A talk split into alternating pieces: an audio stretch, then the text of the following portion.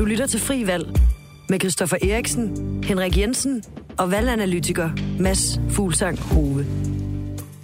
Lad os lige starte med at afspille et klip, som vi talte om i sidste uge med daværende forsvarsminister Trine Bremsen og Janne Jørgensen fra 2020. Jeg tror, det der er, øh, det der er bekymringen, det er, jo, øh, det er jo ikke øh, de operationer, der er nu i, i EU. Det er jo, hvad er det, det udvikler sig til? Hvad er det, det kan udvikle sig til på den lange bane? Og der må jeg bare sige, at vi har jo set på mange områder i EU, at vi er tiltrådt noget, og lige pludselig har vi ikke stået selv og været, været herre over de beslutninger, der træffes i Danmark. Og det er jo en reel bekymring. Jeg synes, vi har gentagende eksempler på, at, at, at det er sket.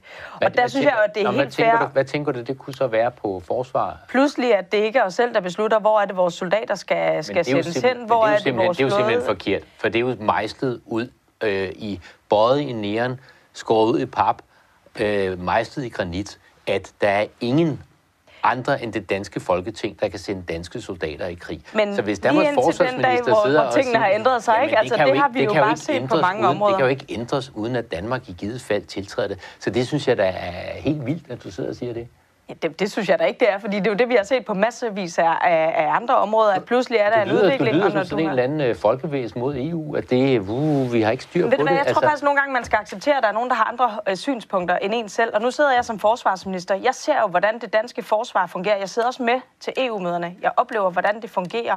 Ja, han er altså virkelig på en opgave her, Venstres Janne Jørgensen, hvor han forsøger at finde ud af, hvorfor Trine Bremsen er så bekymret for at afskaffe forsvarsforbeholdet. Hvad er det, det udvikler sig til, som hun siger. Og hun lægger altså alt sin vægt bag argumenterne, fremhæver selv, at hun jo sidder med på EU-møderne. Øhm, hun er forsvarsminister osv. osv. Det var dengang. Nu er Socialdemokratiet spydspids for at få afskaffet forsvarsforbeholdet. Velkommen til Fri Valg, vores podcast, der går i dybden med de politiske partiers valgkamp frem mod folkeafstemningen 1. juni. Vi analyserer blandt andet på, hvorfor politikerne vælger at køre med bestemte budskaber og holder øje med, hvad partistøtten bliver brugt på. Jeg hedder Christoffer Eriksen og er chefredaktør på Frihedsbrevet. Med mig har jeg Mads Fuglsang Hove. Velkommen til. Mange tak. Øh, Mads, han er ekstern lektor i statistisk metode og vores valganalytiker. Og med i studiet er også politisk journalist på Frihedsbrevet, Henrik Jensen. Hej. I dag er vi blevet velsignet med besøg fra nyudnævnt politisk ordfører for Socialdemokratiet, Rasmus Stoklund. Mange tak, fordi du er kommet. Tak for invitationen. Politisk ordfører, det betyder vel egentlig, at du er ordfører for alt. Altså man kan spørge dig om stort set alt, også EU-relaterede spørgsmål. Er det ikke nogenlunde korrekt?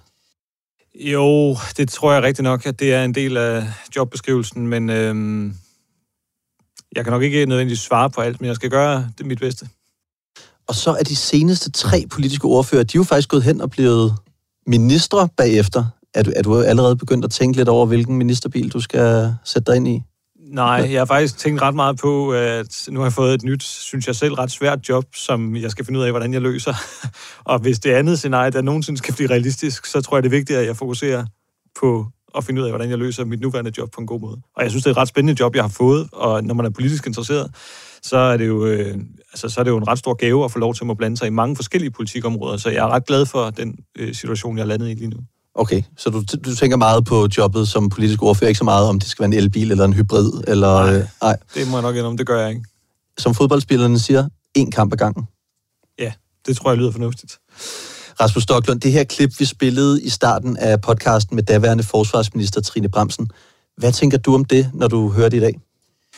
At det er øh, sådan, og øh, så vidt jeg husker, er lovgrundlaget for det, Lissabon-traktaten i forhold til EU-retten, at man kan ikke komme i en situation, hvor at øh, man i Bruxelles kan træffe beslutning om, at der er danske soldater, der skal sendes ud i verden. Men i forhold til, øh, at hun jo argumenterer så stærkt for det øh, dengang, og i dag, så, øh, så er I, I for en afskaffelse. Hun sidder jo som forsvarsminister øh, på det her tidspunkt. Hvad, øh, hvad, hvad tænker du om det? Øh, den meget voldsomme kovending? Ja, jeg synes, man skal have med til det, at der skete øh, noget afgørende nyt den 24. februar, da øh, Rusland gik ind i Ukraine. Det var ikke tilfældet i 2020, og der var ikke nogen, der havde troet indtil nærmest da invasionen fandt sted, at der ville komme krig i Europa igen på den måde, en angrebskrig, som vi så her. Det var det jo heller ikke, når man spurgte militære analytikere og sådan noget, så var der jo mange, der havde en forventning om, at det ikke ville komme til krig, men det kom pludselig til krig. Og derfor har vi ændret position i forhold til forsvarsforbeholdet, fordi vi mente ikke, at der var et behov for at afskaffe det tilbage i 20 og tidligere. Men det mener vi, der er nu, fordi nu mener vi, det er så afgørende at, at sende et samlet signal fra Europa om, at vi står sammen mod Putin uden nogen former for forbehold. Vi talte med din partifælle, Bjarne Lausten fra øh, Nordjylland. Han er, tror jeg, opstillet i Frederikshavn i, i sidste uge. Han sagde noget lidt lignende. Vi kan lige prøve at høre et, et lille sammenklip af hans argumenter. Altså, jeg håber jo selvfølgelig på, at det bliver et ja fordi vi er i en øh, ny situation, og jeg vil ærligt vedgå, at jeg har flere taler om, hvorfor vi ikke skal afskaffe øh, forsvarsforbeholdet, end jeg har holdt om, hvorfor vi skulle være med. Men øh, det er jo klart, at øh, Putins invasion øh, i Ukraine har gjort en forskel. Situationen er helt anderledes, end den var før den 24. februar. Putins invasion i Ukraine har gjort, at vi skal tænke mere på, hvordan kan vi skabe sikkerhed og tryghed i Europa. Det er det, jeg vil gå ud og sige til den. Altså nu er vi i en ny situation, og nu skal vi være med sammen med de andre. Ja, det er jo i virkeligheden øh, meget det samme, I siger. Øh, måske meget godt, når I nu er, øh, er partifælder. Øh, det er en ny situation efter 24. februar, hvor Rusland går ind i Ukraine. Hvad betyder den her nye situation helt konkret i sammenhæng med EU-forsvarsforbeholdet? Det betyder, øh, øh, Ja, jamen, det kan være, at jeg skal starte et andet sted, fordi du kan jo have ret i, at det mest afgørende i forhold til Danmarks forsvar er, at vi er medlem af NATO. Altså, så på den måde, der er det det største og mest afgørende. Men der, hvor det betyder noget, også i forhold til at afskaffe EU-forsvarsforbeholdet, er jo, at hvis der skal iværksættes nye militære operationer, hvor det er EU, der står i spidsen for dem, og det kan man ikke udelukke, at det også i kølvandet på den krig, vi har lige nu, vil blive aktuelt, så vil Danmark jo være forhindret i at kunne øh, være en fuld og helt del af dem. Og det kan især blive aktuelt i en situation, hvor amerikanerne jo ret, er ret tydelige omkring, dels igennem flere år, at de mener, at vi i Europa skal løfte en større del af ansvaret for vores forsvar selv. Det har både Obama øh, sagt, Trump har sagt det på en lidt mere markant måde, Biden siger det sådan set også. Og hvis de så den kommende tid og de kommende år retter deres fokus mere og mere mod Asien, så er det vigtigt, at vi fra EU's side kan forsvare os selv og styrke vores indsats. Og der er det meningen, eller der synes vi, at det bedste er, at Danmark så også kan bidrage fuldt og helt, og ikke står på sidelinjen, og heller ikke sender et signal til det øvrige Europa om, at vi har nogle forbehold i forhold til at være med i det. Hvordan får Rusland konkret lettere spil, hvis Danmark øh, ikke afskaffer forsvarsforbeholdet? Jeg tror ikke, at man skal tegne et billede af, at, at Rusland så af den grund får let spil. Altså, jeg mener ikke, at det er... Øh, der sker ikke nogen katastrofe, hvis ikke vi lykkes med at afskaffe det her forbehold. Det gør der ikke. Men øh, det vigtigste, det er stadigvæk NATO-paraplyen, øh, som vi er en del af. Det er helt sikkert. Men jeg synes stadigvæk, at det har en effekt, at når der skal laves fremtidige missioner fra EU's side, at vi så kan komme til at være en del af dem. Og det kan jo for eksempel være, hvis der skal gøres yderligere på Balkan i forhold til de, den uro, der er der. Det kan også være, hvis der skal gøre, øh, gøres mere i forhold til de øh, øh, Estland, Letland, Litauen, altså nogle af de lande, der ligger og grænser op til Rusland og mærker presset allerede nu. Og der er vi jo i et vidt omfang allerede nu med, men der er jo ikke nogen, der ved, hvordan verden ser ud om 10 år, for eksempel, hvis amerikanerne har vendt deres fokus meget kraftigt mod Asien til den tid. Men havde det ikke også været godt at kunne være med på de operationer, øh, før Rusland gik ind i Ukraine? Jo, det kan du sagtens argumentere for, og jeg tror bare, vores logik er, dels, at vi selvfølgelig skulle respektere, at nu havde befolkningen besluttet, at vi skulle have de forbehold dengang, selvfølgelig. Men derudover også, at den brændende platform har ikke været i nærheden af at være så stor og så kraftig, og i så kraftig brand, som den er lige nu, fordi Putin har gjort, hvad han har gjort. Den her bekymring om, hvad en afskaffelse af forsvarsforbeholdet kan føre til, som, som Trine Bremsen jo havde som forsvarsminister, og hvor hun sad med en, en dyb indsigt i, i området, øh, fordi hun sad med på de her EU-møder, som hun også øh, fortæller om. Deler du den bekymring nu? Nej, og jeg tror også, man må sige, at man skal nok her skælne imellem, hvad er det for en, nogle ønsker, der måske kan være i nogle dele af EU i forhold til fælles EU her og sådan noget, som der jo var nogen, der ytrede ønsker om tilbage i 2018 og jeg tror, så vidt jeg husker, var det blandt andet Macron og Merkel, der, der havde nogle tanker i den forbindelse, men jo, som jo så senere har sagt, øh, blandt andet franskmændene, at de ønsker ikke øh, på den måde at afgive øh, soldater, og så er det nogle andre, der styrer dem. Så det er jo ligesom, det er blevet modereret lidt igen. Og derfor så tror jeg, man skal skelne lidt mellem nogle af de politiske tilkendegivelser, der har været fra nogle centrale spillere i EU på den ene side, og så på den anden side den jura, som øh, ligesom binder ind, hvad er det for nogle muligheder, man har øh, som EU. Og man har ikke den mulighed og øh, hvis vi afskaffer forsvarsforbeholdet, så sidde i Bruxelles og træffe beslutninger om danske soldater skal afsted i verden. Altså det er Folketinget, der skal trykke på den grønne knap. Øh, alt andet vil være grundlovsbrud, og det vil skulle, hvis det skulle laves om, det mener jeg bestemt ikke, det skal, men der kunne folk jo så sige, jamen nu, hvis der sidder nogle andre folketingsmedlemmer om 10 år, som synes, det skal laves om, så er befolkningsgaranti i den her sammenhæng, altså skal det til folketing, øh, folkeafstemning. Så Trine Bremsen, hun var unødigt bekymret, dengang hun sad i det her interview. Ja, det var i hvert fald, altså de politiske tilkendegivelser forstår jeg godt, at hun forholdt sig til, men juraen i det er øh, nu engang ret øh, tydelig, og, og det er ikke sådan, at det her det kan udvikle sig i en retning, hvor der er nogen andre, der kan træffe beslutninger om danske soldater.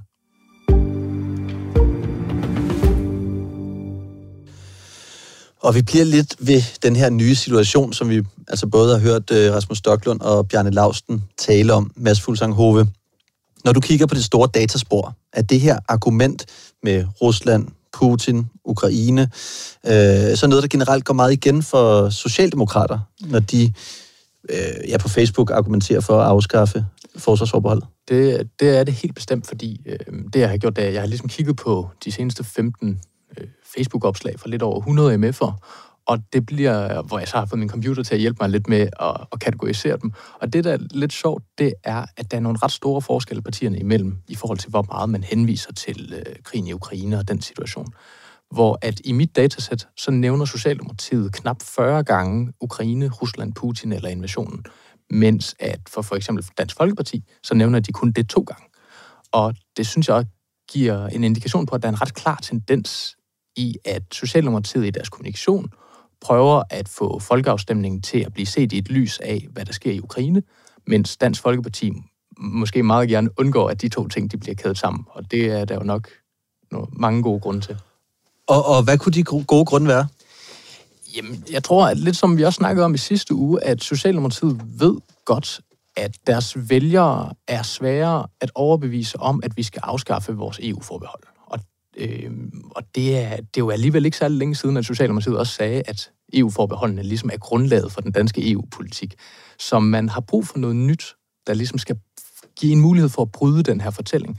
Og så bliver selve framing af, hvad folkeafstemningen handler om, det bliver en afgørende kampplads, fordi de skal ud og definere, hvad er det, vælgerne skal tænke på, når de står i, øh, i stemmeboksen og ligesom skal vælge mellem at sætte kryds mellem ja og nej.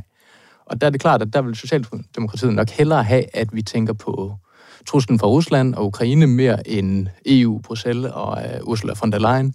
Øh, og på samme måde, så vil jeg så også sige, at så vil et parti som Dansk Folkeparti, de er sikkert også pinligt bevidste om, at øh, danskerne øh, er ret positive over for øh, en støtte øh, af Ukraine og er ret bekymret for det, der sker for Rusland. Så de vil lige så meget gerne have, at afstemningen ikke kommer til at handle om Ukraine og Putin.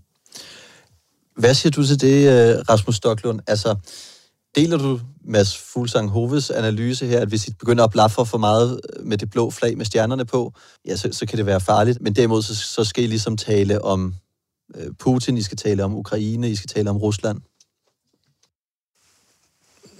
Jeg tror, jeg vil sige, at jeg synes på mange måder, at det lyder meget rigtigt og fornuftigt, det Mads siger, men jeg er måske lidt, øh, eller jeg er uenig i, at det skulle være sådan et øh, hvad skal man sige, sådan en, en veltilrettelagt kampagne, hvor vi har tænkt, at nu, øh, nu skal vi have en krig i Ukraine, og så kan vi på den måde få afskaffet det forsvarsforbehold, fordi det har vi gået og drømt om i mange år. Altså, det der har vi ikke. Øh, vi har sådan set i øh, mange år haft den holdning, at forbeholdene, som du nævnte, er ligesom grundlaget for vores EU-politik, fordi det er det, danskerne har besluttet. Men så synes vi også, at vi er nødt til at tage bestik af situationen, når nu at der så kommer en krig i Europa for første gang i 75 år, øh, på den måde, der har været borgerkrig, men det er noget andet, altså øh, men en invasionskrig fra, fra russisk side. Og det er jo på det bagtæppe, at vi overhovedet har den her diskussion, og derfor synes vi også, det er relevant at tale om Ukraine og tale om Rusland, for så ville vi slet ikke have indgået det her nationale kompromis om at, blandt andet at sætte forbeholdet til afstemning. Og øh, for os der er det altså ret afgørende, også som et lille land, hvad er det for et signal, vi sender til vores allierede i resten af Europa og i øvrigt i Vesten, hvis Danmark er et land, der har nogle forbehold i forhold til at bidrage til forsvaret af Europa. Også nu, hvor vi ved, at amerikanerne dels forventer af os, at vi skal kunne klare os selv lidt mere, det synes jeg i øvrigt er helt rimeligt, og vi også ved, at amerikanerne på længere sigt nok vil bevæge deres fokus mere i retning mod Asien. Dansk Folkeparti, så, som vi hører, de vil jo gerne tale så meget som muligt om EU, så lidt som muligt om, øh, om krigen, i hvert fald hvis kommunikationen på Facebook, øh, hvis man skal lægge den til grund. Hvorfor tror du, at Dansk Folkeparti vil tale meget om EU, meget lidt om krig? Men jeg har jo også bemærket, at Dansk Folkeparti øh, hellere vil tale om, om EU-spørgsmål, og jeg synes, det er et paradoks, at man, når man hører Dansk Folkeparti udtale sig i debatten, og mange fremtrædende Dansk Folkeparti-politikere udtale sig i debatten, så øh, er det øh, Merkel og Macron, øh, som er fjendebillederne, hvor at øh, vores øh, billede, eller vores fuldstændig klare opfattelse lige nu er, at det er altså ikke internt i Europa, øh, altså i EU, at vi har nogle fjende her. Det er tværtimod dem, vi skal stå sammen med. Jeg er med på, at det ikke er Merkel længere, nu er det Scholz, men altså nu er det bare tit Merkel, der stadigvæk bliver brugt som fjendebillede i, i vis kreds. At, der er det jo ret vildt, at i nogle af de der debatter, så får de nævnt Merkel og Macron, jeg ved ikke hvor mange gange, mens øh, der næsten ikke bliver tid til at nævne Putin. Og altså lige nu, der er det Putin, der er fjenden. Det er ikke Merkel og Macron. Tværtimod, så skal vi være glade for, når det gælder om at forsvare Europa i fremtiden, at vi har nogle store øh, europæiske allierede, som står øh, på mål, eller for, står vagt om vores frihed. Henrik Jensen, du er politisk journalist her på, øh, på Frihedsbred. Hvad tænker du, når du hører øh, Mads Fuglsang Hoves øh, analyse her og Rasmus Stocklunds svar? Mads, jeg tænker, at DF med Morten Messerschmidt i spidsen har været ret succesfuld her til at starte med, hvis man kigger sådan nøgtern kampagnemæssigt. Altså, de er jo lykkes med at tale rigtig meget om den her EU her, som man har en stor frygt for. Eksperter kalder den ubegrundet og kalder det noget vrøvl sågar. Men det tror jeg sådan set, Morten Messersmith er lidt ligeglad med. Det lykkedes ham ligesom at få også ja-partierne til at gå ud og skal reagere på det her og sige, det er der ikke hold i. Øh, jeg tror, det var Jeppe Kofod, der var et stort banner med, som kørte på Facebook også, var sådan, nej, der, der er ikke en EU her, og nej, bla bla bla, ikke?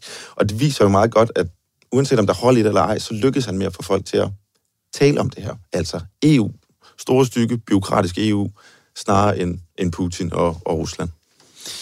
Den her diskussion om øh, EU her, Rasmus Stocklund, hvor meget fylder den øh, i Socialdemokratiet, når I taler om, at I skal have talt den her frygt for en EU herned?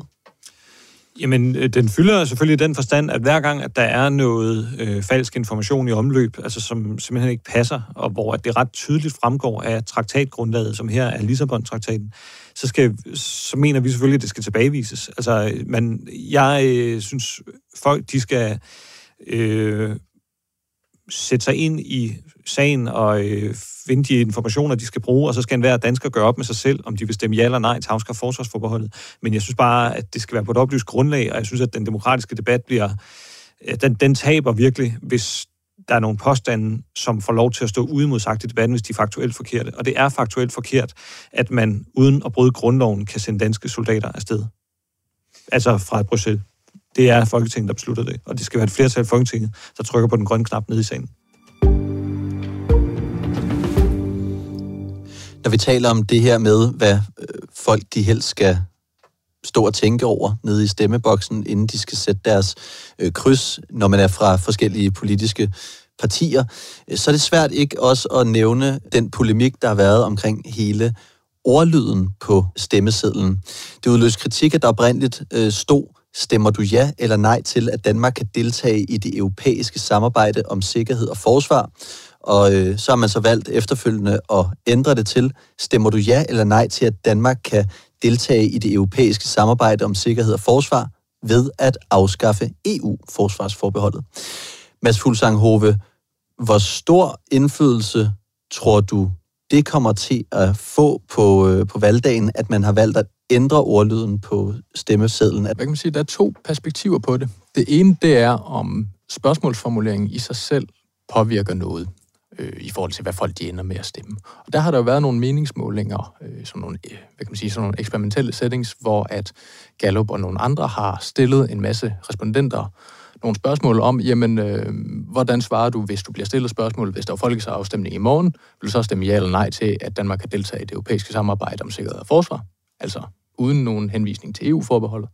og svarer man forskelligt, hvis man så bliver spurgt, hvis der var folkeafstemning i morgen, vil du så stemme ja eller nej til at afskaffe Danmarks forsvarsforbehold? Og det man kan se, det er, at der er mellem 6 og 10 procentpoints forskel i, hvor stor opbakning der er til ligesom at erklære sig enig i det udsagn.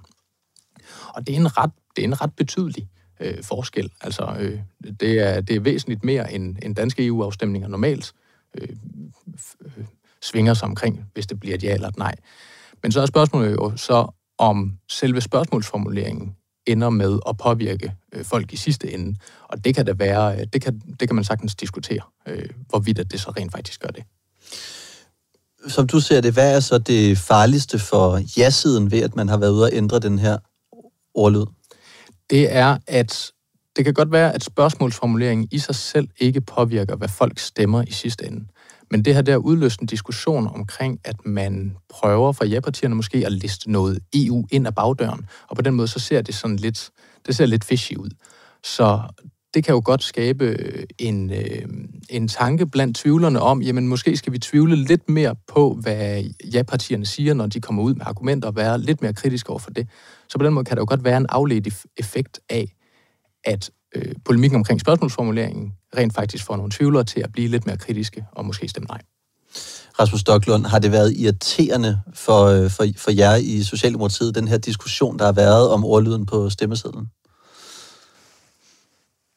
Ja, altså vi kan da altid bedst lide, hvis vi bare får ros for de ting, vi foreslår, men sådan er verden jo ikke skruet sammen, og derfor så var man jo så også ret hurtigt øh, øh, enige om at prøve at lytte til, hvad det var nej-siden problematiserede her, og så revurderede man jo, eller så, øh, hvad skal man sige, så reformulerede man jo så også spørgsmålet, og nu er det jo, eller øh, formuleringen, og, øh, og nu er det så blevet en, en ny formulering, og, og der synes jeg, hvis man skal sige, hvad der er irriterende omkring det, så, eller ærgerligt omkring det, så synes jeg, det ærgerlige er, at derfor så er det jo blevet sådan, øh, den første del af debatten blevet meget sådan en, en proces- og teknikdebat, i stedet for en debat om bundlinjen, som er, skal vi afskaffe det her forsvarsforbehold, eller skal vi ikke afskaffe det her forsvarsforbehold? Og, og det er jo det, der er det centrale at diskutere, og derfor synes jeg, det var godt, at man så øh, omformulerede, og at vi så forhåbentlig øh, det synes jeg egentlig også er sket, altså dels den seneste tid, men også de næste 3-4 uger, der er tilbage, kommer til at tale mere om substansen af bundlinjen, som jo er det, der betyder noget. Var det let sindigt det her med at øh, få lavet den formulering, øh, som den blev lavet, og så på en eller anden måde give nej-partierne et argument i, i hånden om, at som Mads Fuglsang Hove her siger, altså man, man vil nok bare snige noget EU ind, øh, ind ad bagdøren? Jamen i bagklogskabens lys, altså nu hvor vi ved, at der opstod den debat, der opstod, og hvor at vi endte med at blive enige om at omformulere, altså så er det klart, hvis man kunne have undgået det, så havde det selvfølgelig været at foretrække. Øh, men altså, det er jo ikke en situation, vi er i så tit, at vi skal have den her form for afstemninger. Og der er også noget øh, jura, som jeg ikke er helt øh, skarp på, hvor grænserne går for. Altså, men der er jo nogle krav til, hvordan sådan en formulering også skal være i forhold til den lov, der skal stemmes om. Så man kan også sige, øh, man kan ikke bare have en formulering, der for eksempel hedder, skal vi stemme ja eller nej til afskaffe forsvarsforbeholdet, som jo vil være det nemmeste måske. I sidste uges udgave, øh, der talte vi om Liberal Alliance, der ikke har haft en stor interesse i at markere sig særlig meget i forbindelse med den her øh, valgkamp. I den her uge, der skal vi kigge på to andre partier, der flyver øh, lidt under radaren. Mads Fuglsang Hove, du har kigget på øh, øh, det, man lidt frisk kunne kalde Socialdemokratiets talentprogram, SF. Øh, hvordan, hvordan ser det ud med dem? Det er lidt sjovt, fordi øh, det jeg jo gør, det er, at jeg kører noget kode ind i et statistikprogram, og så, øh, så hjælper det mig med at identificere de Facebook-opslag, der ligesom handler om forsvarsforbeholdet. Og da jeg ligesom havde kørt det her kode, jamen så returnerede min computer, at der var nul opslag fra SF. Og det første, jeg tænker, det er jo, at det, det er mig, der har lavet en fejl. Altså, det, det, det, det kan ikke passe, det her. Så jeg tager simpelthen den trælse manuelle løsning og klikker mig ind på tre prominente SF'ers Facebook-side og trawler ellers de seneste 15 Facebook-opslag igennem og finder nul henvisninger til forsvarsforbeholdet. Og øh, det, ja, det synes jeg jo egentlig er, er meget sjovt, fordi øh, jeg er alligevel 124 Facebook-opslag inde i, øh, inde i den her maskine, så det kan godt være, at jeg snakker om forsvarsforbeholdet tidligere, bare ikke på de sidste 124 opslag. Henrik Jensen, er det overraskende for dig, at SF ikke har kastet sig ind i valgkampen endnu?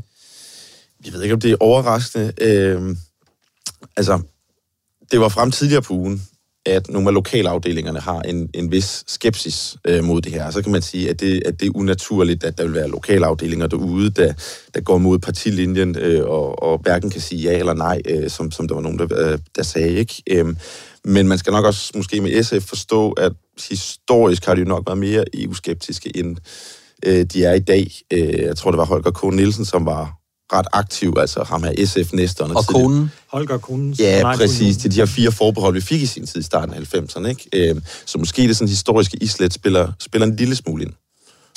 Rasmus Stocklund, er du skuffet over dine venner i SF? Nej, nu tror jeg egentlig også, jeg fik sagt, for det var egentlig, det var Holger Kuhn stemmer ja til unionen, fordi der var forbeholdet, det var jo sådan, det var. Men, ja. ja nå. Øh, nej, jeg er ikke skuffet over SF. og jeg hørte for eksempel øh, i går, eller i forgårs morges, da jeg kørte på arbejde i Pet Morgen, øh, Carsten Hønge redegør meget savligt, synes jeg, for argumenterne for at, at afskaffe forsvarsforbeholdet, og så også at, at redegøre for det her med bredden, der er i det parti, fordi det er klart, at i de fleste partier, der vil der være nogle af de medlemmer, der er, som stemmer for og imod.